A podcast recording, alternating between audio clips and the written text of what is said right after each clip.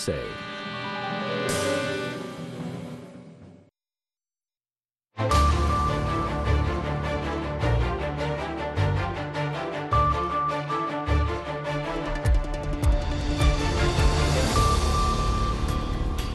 halkani waa washington laanta afka soomaaliga idaacadda v o a oo aad ka dhagaysanaysaan mawjadaha gaagaaban efmiyada geeska afrika iyo caalamka o dhan oo aad nagala socotaan v o a somaly com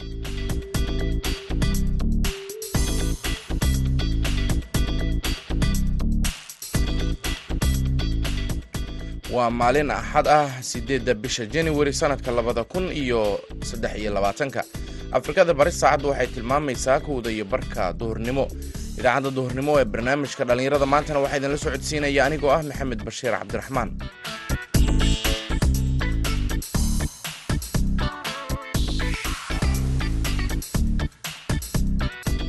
qodobada dhegaystayaal aad ku maqli doontaan idaacaddeenna duhurnimona waxaa ka mid ah barnaamijka hibada iyo halabuurka oo aynu ku soo qaadanayno. Buug la magacbaxay duunyadii la dayacay oo ka hadlaya dhaqashada dameeraha.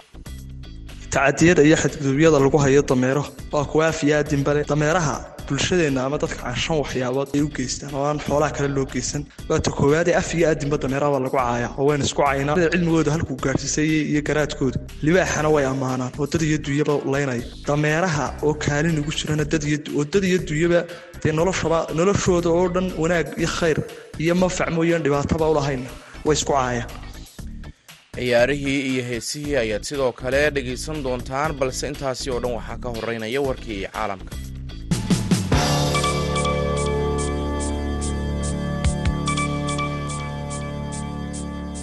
la taliyaha amniga qaranka ee madaxweynaha soomaaliya xuseen sheekh cali ayaa u sheegay v o a in dowladdu aysan waanwaan kula jirin kooxda al-shabaab. Siyaasadeenna ku aadan wadahadal lala galo al-shabaab waxba iskama bedelin ayuu yidhi xuseen sheekh cali wax wada xaajood ah kulama jirno kooxda hase yeeshee shakhsiyaadka doonaya inay ka soo baxaan kooxda. Waxaa la marin doonaa nidaam hufan si ay xaq ugu yeeshaan xafiska rasmiga ah ee dowladda ayuu intaa ku daray waxaa kaloo la taliyuhu sheegay inaysan wax codsi ah oo wadahadal khuseeyo ka helin kooxda al-shabaab. Hadalka la taliyaha amniga qaranka ee madaxweynaha soomaaliya ayaa ka dambeeyey markii wakaaladda wararka associated press ay daabacday warbixin soo xiganaysa.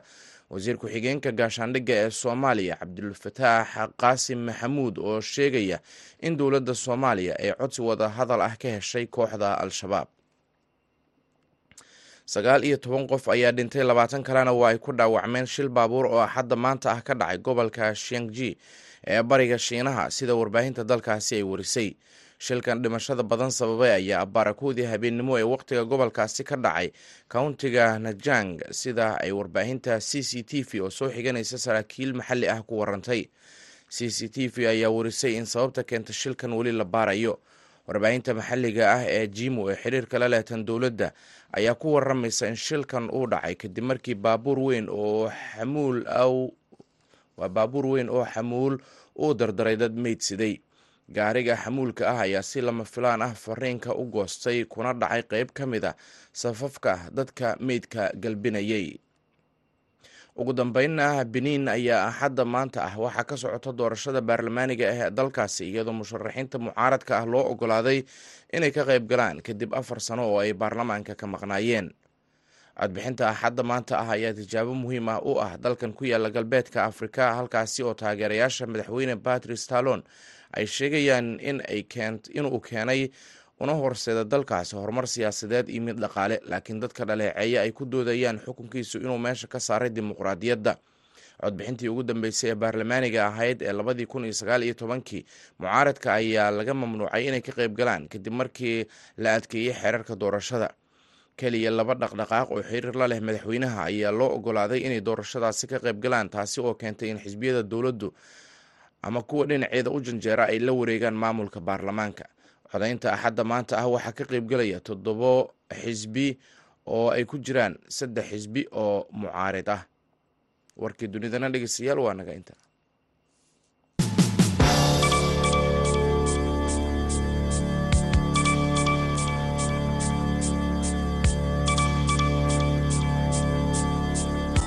halka dhegeystayaal wararkaasi aad kala socotaan. Waa laanta afka soomaaliga ee v o a oo si toosa idinkaga imaaneysa washington. Duhur wanaagsan mar kale. Haatanna waxaad ku soo dhawaataan barnaamijkii hibada iyo halabuurka oo toddobaatan. Waa toddobaadkan ay sagaal mustafa xasan noogu soo diyaarisay magaalada hargeysa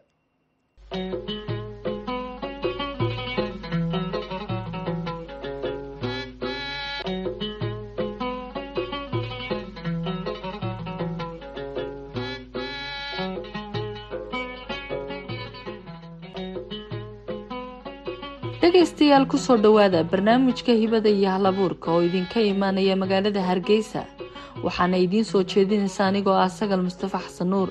Toddobaadkani waxaa marti iigu ah doctor ibraahim maxamed kaahin oo ku magac dheer ibraahim dhuxul waa wiil dhalinyaro ah oo wax ka barta dalka uganda.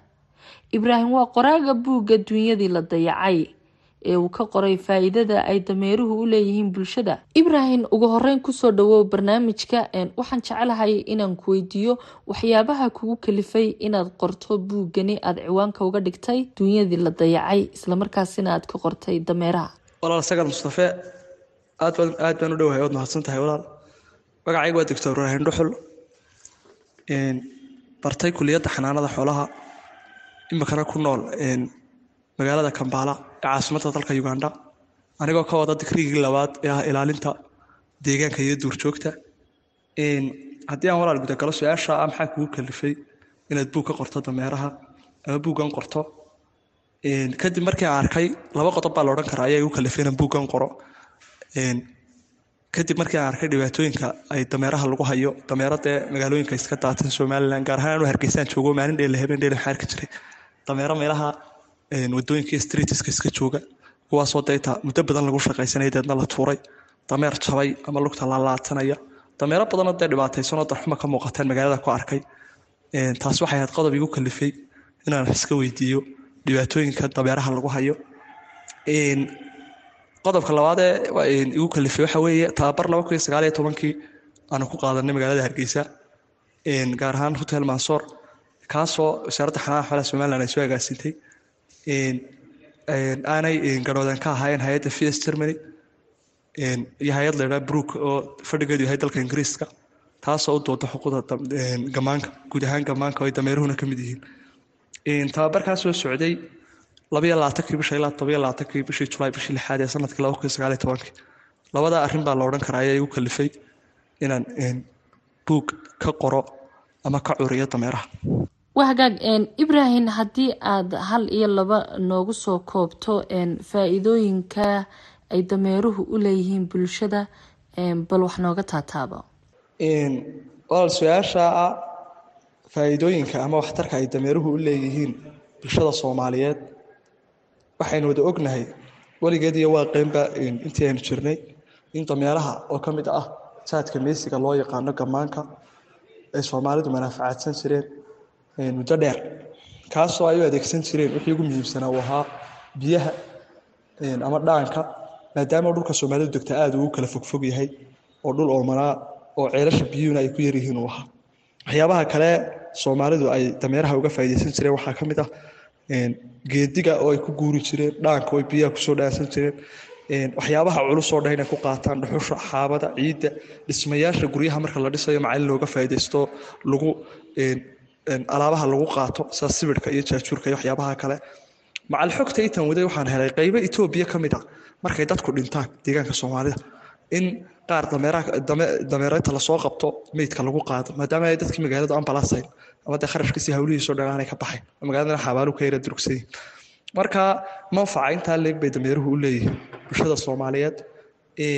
Ilaahay baana subxaana watacaala markii hore u abuurayay qur'aanka inoogu sheegay inuu wuxuu abuurayba ay tahay dadku inay gaadiid ahaanna u adeegsadaan ay gaadiidsadaan sida aayat suuratu naxli ilaahay subxaana watacaala walkhayla walbiqaala walxamiira litarkabuuha waziina wayakhluqu maa laa taclamuun ilaahay leeyay fardaha baqlaha iyo dameeraha. Waxaan idinku abuurno si aa uga faa'iidaysataan oo manfacadsataan iyo arlada inay quruxu yihiin. Waa hagaag mahadsanid waa maxay tacadiga bulshadu ay ku hayso dameeraha ama ay kala kulmaan? Walaal dhibaatooyinka tacadiyada iyo xadgudubyada lagu hayo dameero. Waa kuwa afiyaadinbale kuwaasoo haddii la ysdhaa iyagoo keliya buugooniya ka qora buugooniya noqonaya. Dameeraha bulshadeenna ama waxay kula kacaan shan waxyaabood ama shan dhibaato ay u geystaan oo aan xoolaha kale loo geysan. Waata koowaadee af iyo aadinba dameeraha baa lagu caaya oo waynu isku caynaa. Soomaalida cilmigooda halkuu gaadhsiisay iyo garaadkooda libaaxana way ammaanaan oo dad iyo dunyaba laynaya dameeraha oo kaalin ugu jirana oo dad iyo dunyaba dee noloshaba noloshooda oo dhan wanaag iyo khayr iyo manfac mooyaan dhibaataba ulahayna way isku caayaan talabaad waxa weeye dameeraha baad iyo biyo ku filan lama siiyo. Laakiin dee xoolaha kale waa la baad iyo biyo ku filan waa la siiyaa hoos baana loo eegaa. Hadday xanuunsadaan cidima daweyso. Xoolaha kale macafitinariga da anagu markaanu ahayn ariga iyo geela qof ku xanuunsado waa lagu yeedhayaa. Laakiin dameerku hadduu xanuunsado ma badna inay dadku daweeyaan ama ay u naxariistaanba waana sababta uu deegaankeenna iyo dalkeenna iyo dhulka oo dhan saa eegto deegaanada soomaalida ugu dayacan yahay waxaa kaloo iyadana ka mid a dhibaatooyinka lagu hayo inaan wax badan da in saasoo kale wax laga sheego ama markay gaboobaan halka xoolaha kale de iyaga la daryeelayo. Inkastoo de iyaga qaarkood dee la qashaba oo aan dee kuwan iyaga la qalan karin dameeruhu markay gaboobaan iyaga waa la tuuraa oo bannaanka lagu sii daaya muddo badan qof baa dameer ku shaqaysanaya ku shaqaysanaya maalin alla iyo maalintu xoog gabo bannaanku u tuuray. Taasay dee u dheer tahay dilkii iyo caydii. Caruur yarar baa loo dhiibaya hargeysa waxaad ku arkaysa qaar carruur yarar soo dhaamina dhakada uga baxeen sidaa u eriyayaan hadh iyo habeen waxaad arkaysaa dee dhibaato. Joogto dhammaanayn baa dameeraha lagu hayaa. Waxaanan ka rajaynaynaa inay buuggani waxaan rajaynayaa buuggaasi inuu noqdo buug buuxiya kaalintaa iyo dhacantaa bannaan ee ah dadku markay wacyigooda dadku inuu kordho markay akhristaan. Ayna halkaa dabeedna dadku ku joojiyaan dhibaatadii iyo gaboodfalladii iyo tacadiyadii ay kula kacayeen dameeraha. Markay gartaan kaalintay ku jiraan diinta islaamka halkay ka mudan yihiin iyo dhibaatooyinka aynu wanaagga manfaca aynoo leeyihiin oo dhan markaynu aragno in dhibaatadoodu ay ka yaraato insha alla ka ma jiraa cid kaa caawisay ama gacan kaa siisay arrintani? Hayo maadaama oo uu yahay mowduucan mowduuc cusub ama ugub ah oo aan hore waxba looga qorin. Way adkaanaysaa mowduucu markuu ugub yahay inaad xog fiican ka hesho. Mid kastaan muddo badan waday ururintiisii iyo dabagalka mowduuca gaar ahaan dhaqanka soomaalida suugaanta mahmahayada heesawleedada iyo inahaasa sidaa u raadinayay waxaa jiray dad badan oo xogtaa wixii ay dameeraha ka hayeen la wadaagay oo asxaab aad iigu dhow ahaa kuwaasaan ka xusi karo dhowr qof oo ka mid ahaa doctor shaafici qaasim nuur xasan cabdiraxmaan cilmi doctor cali maxamed cali iyo doctor cabdiraxmaan maxamed cabdiraxmaan. Sidoo kale daabacadda buuggan waxaa qeyb laxaadle ka qaatay dhowr urur kaasay ka mid yihiin kuwaasoo u dooda xuquuqda dameeraha. Kaasuu ka mid yihi ururka hones b c a. Sidoo kale waxaa qeyb weyn ka qaadatay wasaaradda xanaanada xoolaha somalilan xarunta dhaqanka ee hargeysa iyo duqa magaalada berbera. Cabdishakuur cidin maxamed.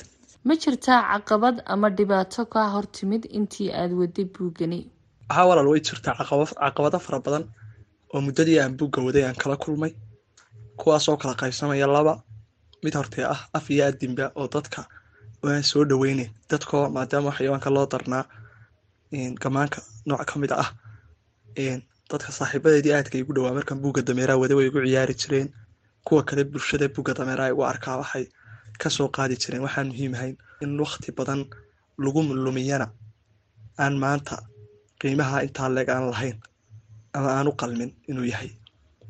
Caqabadda labaadalo waxa weeye xog la'aan oo maadaamaan mawduucan hore wax looga qorin oo ugub ahaa in la soo ururiyo dhammaan wixii dameeraha laga yidhi sida mahmahyadoodii suugaantii cilmigii kale caadiga iyo maadiga ahaa xanuunadii ku dhici jiray in wixiiba la soo ururiya sawladadoodii oo kala fifiliqsanayo buug kala duwanaan ka soo qaatay ama dad fara badan iyagana qaar weydiiyey waxaasoo dhan iyaguna wakti iyo howlba iyaguna iga qaadatay dambe inaan ku bixiyo. Marka caqabadaha ay soo wajahay ee ugu fara badnaa labada caqabadood doolar ka mid ah. Haddii aan tuduc ama laba aynu ka soo qaadano oo xiise leh buuggan aad ka qortay dameeraha gaar ahaana cutubka labaad ee suugaanta bal wax nooga sheeg. Haa walaal way jirtaa mawduucyo aada u xiiso badan oo buugga dhexdiisa ku sugan kuwaasoo ay ka mid yihiin labadan tuducood oo kale ah miduu tiriyey abwaankii weynaa cabdiqays kaasoo ku jiray buuggiisii kaasoo ku jiray buuggiisii darmaaniyo dalxiis. Meerisyada waxaa ka mid ahaa qaar uu ku garnaqsanayay dameerku dameerkii xabsiga lagula xidhay dowladdii dhexe markaa uu tirinayay suugaanta. Abwaan cabdiqays. Ayaa dameerkii maruu u jawaabay wuxuu lahaa waxmaan dilin dad maan dhicin maandooriyayaasha iyo daroogada mid soo gura maan ahayn dalxiisow ganacsade dilaalihi hubka lagu dagaalamo weligay dushayd iyo duudkayga kuma raran dunyadoodu qaar bay tahay dacar qadhaadhiyo deeq lagu khasaaree ma daldalan sidoodii dadkoo baahan keligay dibirada ay eegay? Duhurkii kumaan odhan. Baananka dulsaarkiyo halka deynta laga helo dacwadi uma soo qorin sidoo kale waxaa jiray maase caad oo caan aada u ahayd oo uu tiriyey abwaankii weynaa ee cabdi iidaan faarax. Maasadaas oo abwaanku uga waramayay dameer u lahaa oo aada u qiimo badnaa kaasoo waagii biyowaaga hargeysa hargeysa duleedkeeda intuu inama u dhiibo biyaha lagaga soo dhaamin jiray. Markaa dadkii ehelkiisa ku ahaa iyo ninay saaxiibayiin ayaa dabeedna dameerkii in badan adigu fadqalaleeyey oo maagay. Dabeedna isagoo u jawaabayay qiimaha iyo qaayaha uu dameerku agtiisa ku leeyahay ayaa maansuu tiriyey aada u qiimo badnayd. Meerisyo maansadaa ku jiray waxaa ka mid ahaa ninii xigay xasabe iyo toliyo xidid bay ii dhaanye waa kii abaartii xumayd xaaska kaafiyey. Haddaanu xerada berigii ku jirin ma xaragoodeene alla ilahay xilbiiga furtiyo xan iyo ceeb weyne ha yeeshee xaskigala baxay waan xasuusnahay. Xoolaha qaneecaadka waa lagu xanaashaaye kolba waxaan la xayraamaya xaaladan badaye aniga xaashiyow neefku waayo xuliyo hoobaane kolkii laba bahood loo xintamay xay surmaan noqoyi? Waxaan xadhigga qoobka ugu suray waan xafidayaae xijaabtooyinkii baan ka baqay xareeyaane xaggaa u foofi inan yahow hay xasaradayne kuwaas waa meeriso ka mid a aynu soo qaadanay. Kuwa ku qoran buggan dunyadii la daayacay dameeraha. Sidoo kale ilaa aduu sagaal gabay baa bugga ku jira. Sidoo kale waxaa ku jira konton maahmaahood oo maahmaahayada dameeraha. Ay inta badan soomaalidu adeegsatay hees howleedyo ugu dambeyntii maxaad talo u soo jeedin lahayd bulshada dhaqata dameeraha? Ugu dambeyntii ama guntiya gunaanadkii waxaan halkan fariintan dadweynaha halkan u marin lahaa ama bulshada ama qoomiyadda soomaaliyeed ee dameeraha manaafacadsata miyi iyo magaalaba. Mid mulkiilaha iyo mid loo shaqeeyo loogu shaqeeyaba ama qof kaloo arkayo agtiisa dee lagu adeegsanayaba waxaan halkan uga jeedin lahaa fariin wacyigelin oo ah inay si wanaagsan dameeraha ula dhaqmaan ay u naxariistaan. In la yareeyo oo la joojiyo ama hoos loo dhigo oo laga dhaxlo buugga waayo aragnimo iyo tusaale dadka ku hagaya xagga wanaagsan oo xagga naxariista xagga ilaalinta xagga daryeelka.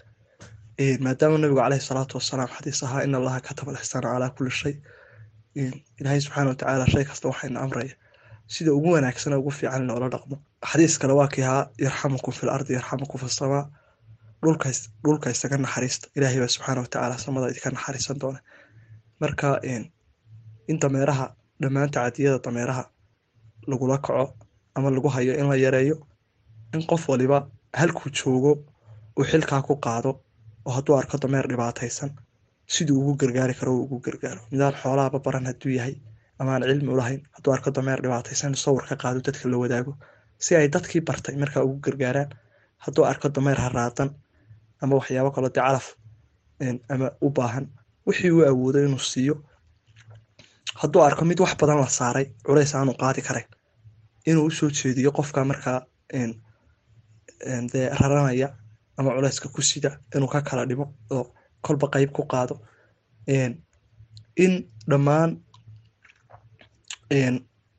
sistamyada ama dowladaha ka jira maanta dhulka soomaalida qomiyadda soomaalida degto ama soomaalida kenya ha ahaato soomaalida etoobiya somalilan ama soomaaliya ama jabuuti meel kastay soomaalidu joogaanba inay dameeraha ilaaliyaan. Sharciya loo sameeyo oo lagu ilaalinayo xuquuqda xoolaha guud ahaan gaar ahaanna gamaanka ay dameeruhuna ka mid yihiin intaasaan walaal halkan bulshada u marin lahaa aan fursadda uga faa'iidaysan lahaa. Aad aadna waad mahadsanta markaynu milicsano dhanka heesaha waxaa jira heese aada u tiro badan oo laga sameeyey dameeraha. Aynu eegno mid ka mid a heesihii ugu dambeeyey taasi oo layidhaahdo qareen dameer waxaana ku luuqeynaya ama qaadaya macalin bashiir badane. Dameerku wuu dadaalayaa alaabaday ku daldashaan derisku uu adeegayaa intaa biyuu u daabulaa dameerku wuu dadaalayaa alaabaday ku daldashaan. Derisku uu adeegayaa intaa biyuu u daabulaa dadow la yaab leh daawadaa dadkan dul saaran maalintii duudkiisa saari xaabadoo misnaa u diidi waanbaho bunshaha u saadhin dibnaho intaas dilaaya oo dakhraaya dacayda dhiigka daadinaya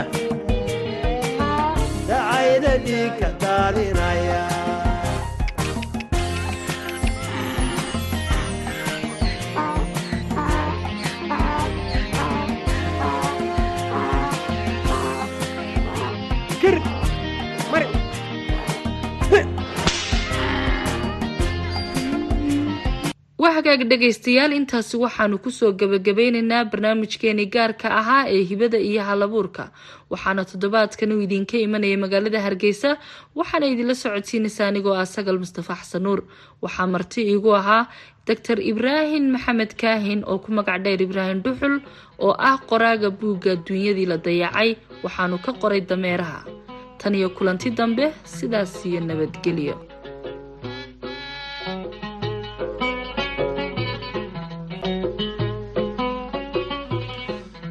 mahadsanid sagaal mustafa xasan oo barnaamijkaasi magaalada hargeysa noogu soo diyaarisay. Dhegeystayaal waxaad nagala socoteen laanta afka soomaaliga ee v o a oo si toosa idinkaga imaaneysa washington. Daqiiqadaha idaacadda nooga haray haddii aan idiin dul maro qodobadii wararka caalamka ugu doorka roonaa la taliyaha amniga qaranka ee madaxweynaha soomaaliya xuseen sheekh cali ayaa v o a u sheegay in dowladda soomaaliya aysan wax waan waan ah kula jirin kooxda al-shabaab waxa uu sheegay in siyaasadda ku aadan wadahadal lala furo al-shabaab aysan waxba iska bedelin wax wada xaajood ah kulama jirno kooxda hase yeeshee shakhsiyaadka doonaya inay ka soo baxaan kooxda waxaa la marin doonaa nidaam hufan si ay xaq ugu yeeshaan cafiska rasmiga ah ee dowladda ayuu yidhi. Waxaa kaloo la taliyuhu sheegay inaysan wax codsi ah oo wadahadal khuseeya ka helin kooxda al-shabaab hadalka la taliyaha amniga qaranka ee madaxweynaha soomaaliya ayaa ka dambeeyey kadib markii wakaaladda wararka a p ay daabacday warbixin soo xiganaysa. Wasiir ku-xigeenka wasaaradda gaashaandhigga ee soomaaliya cabdulfataax qaasim maxamuud oo sheegaya in dowladda soomaaliya ay codsi wadahadal ah ka heshay kooxda al-shabaab. Sagaal iyo toban qof ayaa dhintay. Labaatan kalena waa ay ku dhaawacmeen shil baabuur oo xadda maanta ah ka dhacay gobolka shiangji ee bariga shiinaha shilka dhimashada badan sababay ayaa baarakoodii habeennimo ee wakhtiga gobolkaasi ka dhacay countiga najang sida ay warbaahinta c c t v oo soo xiganaysa saraakiil maxalli ah ku warantay. Warbaahintaasi ayaa warisay in shilka sababta keentay aan weli caddayn. Warbaahinta maxalliga ee jiimo ee xiriirka la lehtan dowladda ayaa iyana ku waramaysa in shilku uu dhacay kadib markii baabuur weyn oo xamuul ah uu ku dhacay dad meydsiday. Gaariga xamuulka ah ayaana si lama filaana fariinka u goostay kuna dhacay oo dardaray qeyb ka mid ah safafka dadka meydka galbinayay. Ugu dambeynna dhegeystayaal sida dhegihina aada maqlaysaan waa dhinaca kaalmaha hiisaa markana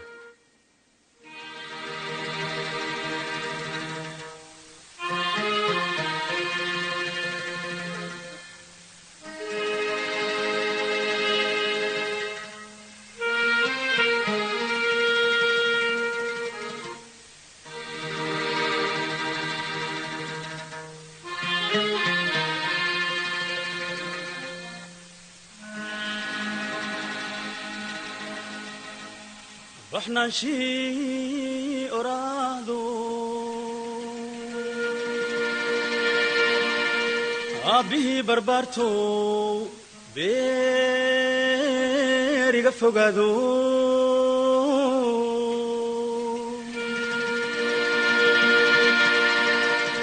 markay xajo biliqdee burgashee la kala baxo kii loo baxsanayo.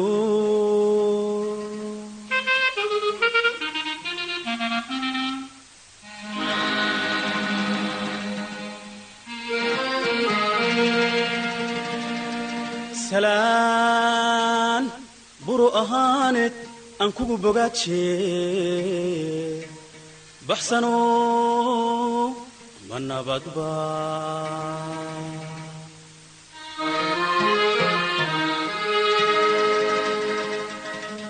adigiyo bahdii kaale barbartii sidee tahay eryaasamo ma joogta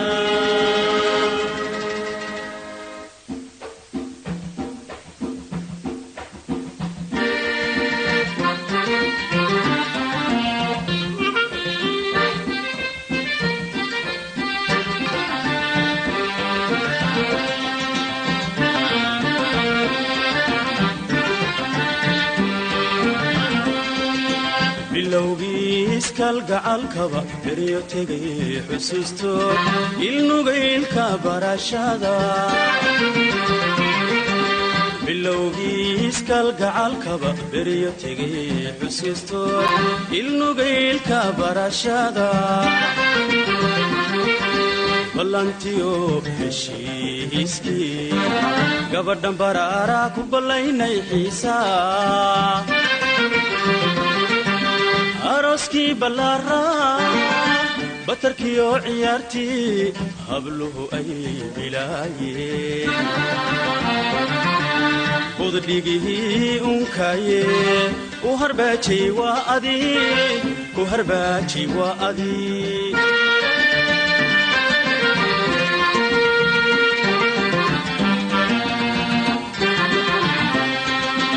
isna baabi'iisii iyaadoo la bixi timaa baar furanka caashaaqa kay soo ballaysee bidixaynta sheekada ka baxnaani yeriye baxshi soorya xididee. Beenta lagula xaalee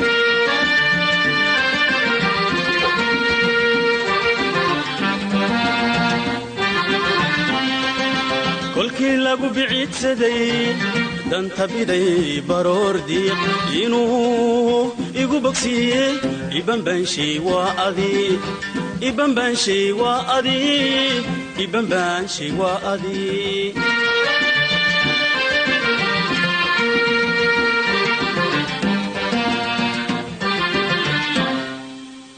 Balaan sheeko baralay bartilmaantii waagii baaqi abwane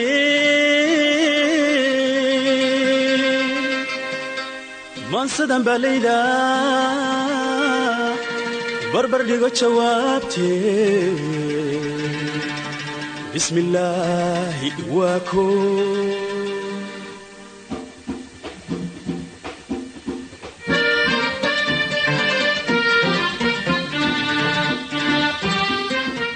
codkaasi fanaanka sayid khaliifa wuxuu gebagabo u yahay idaacaddii duhurnimo ee barnaamijka dhallinyarada. Maanta oo si toosa idinkaga imaanaysay laanta afka soomaaliga ee v o a. Tan iyo kulanti dambe waxaan idin leenahay nabadgelyo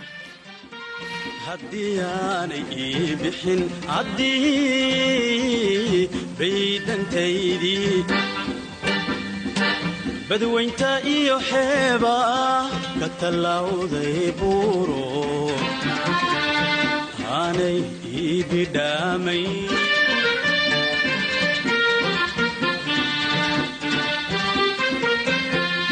cabdow beertii aan limay haddii aanay ii bixin haddii baydantaydii badwaynta iyo xeeba ka tallawday buuro aanay ii bidhaamay